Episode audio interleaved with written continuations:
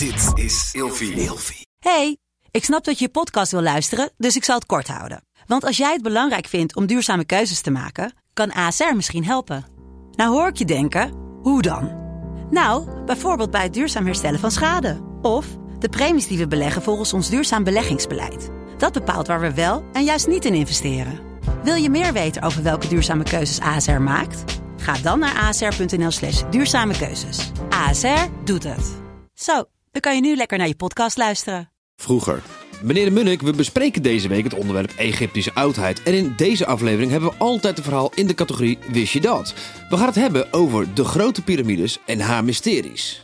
Ja, de grote piramide. Wat een ding zeg.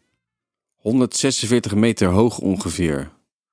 Dat is gewoon echt heel hoog. Maar is het zo hoog of hebben ze zoveel zand erom weggegraven? Nee, het is zo hoog. Het is een van de zeven wereldwonderen ook. Er zijn ongeveer 2,3 miljoen stenen gebruikt om dat ding op te stapelen. En elk steen weegt ongeveer 2500 kilo. Maar hij is toch 10 meter ge- ge- geslonken? Ja, door erosie. Oh. En, en ehm, het schijnt ook dat ze af en toe wat stenen hebben geleend. Ehm, in de tijd, ja, het schijnt dat we in de tijd dat wat wij de middeleeuwen noemen, eh, dat ze in Egypte af en toe eh, gewoon eh, een, een steentje leenden bij de piramide om is- zelf wat te bouwen. Dat is 1500 na Christus toch? Middeleeuwen? Ja, ja, tussen 500 en 1500. Ja, daar- Ehm, de piramide is natuurlijk gewoon een mega groot ding. En ze denken dat, ze- dat ze er ongeveer, we hebben het over de grote piramide. Oh. Er is er maar één dus. Ja, er zijn er meerdere. Oh. Dus er staan er, en er staan er zelfs drie, of de zes, negen. Oh, er staat ook zo'n swings bij toch? Een sphinx en met de kop van een, van een farao of van een mens. Maar ze dachten eerst van een leeuw. Maar heel even, de piramide van Ge- Cheops, hè.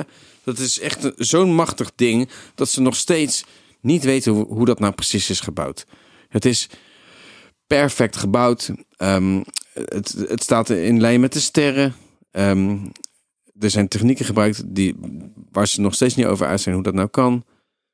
Hoe hebben ze dan in godsnaam al die stenen daar gekregen?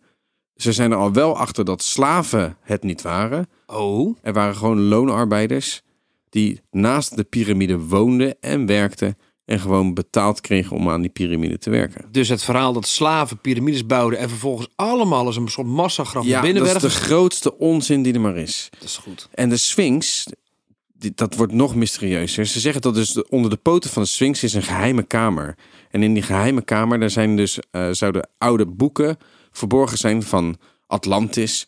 Of volkeren die al eeuwenlang zeg maar, de wereldzeeën hebben bevaren. Maar weten ze de dit? allergrootste kennis. Er is een kamer gevonden. Die is gevonden. Ja, ook. maar ze mogen er niet graven van Egypte. Ze durven het niet. Hoe hebben ze gevonden dan? Door middel van eh sonartechnieken. Je lul. Echo's. Ja, nee, het is echt gevonden. Er is, een, er is een kamer gevonden onder de voet van de Sphinx, maar ze mogen het niet opgraven. En de Sphinx schijnt dus 10.000 jaar oud te zijn.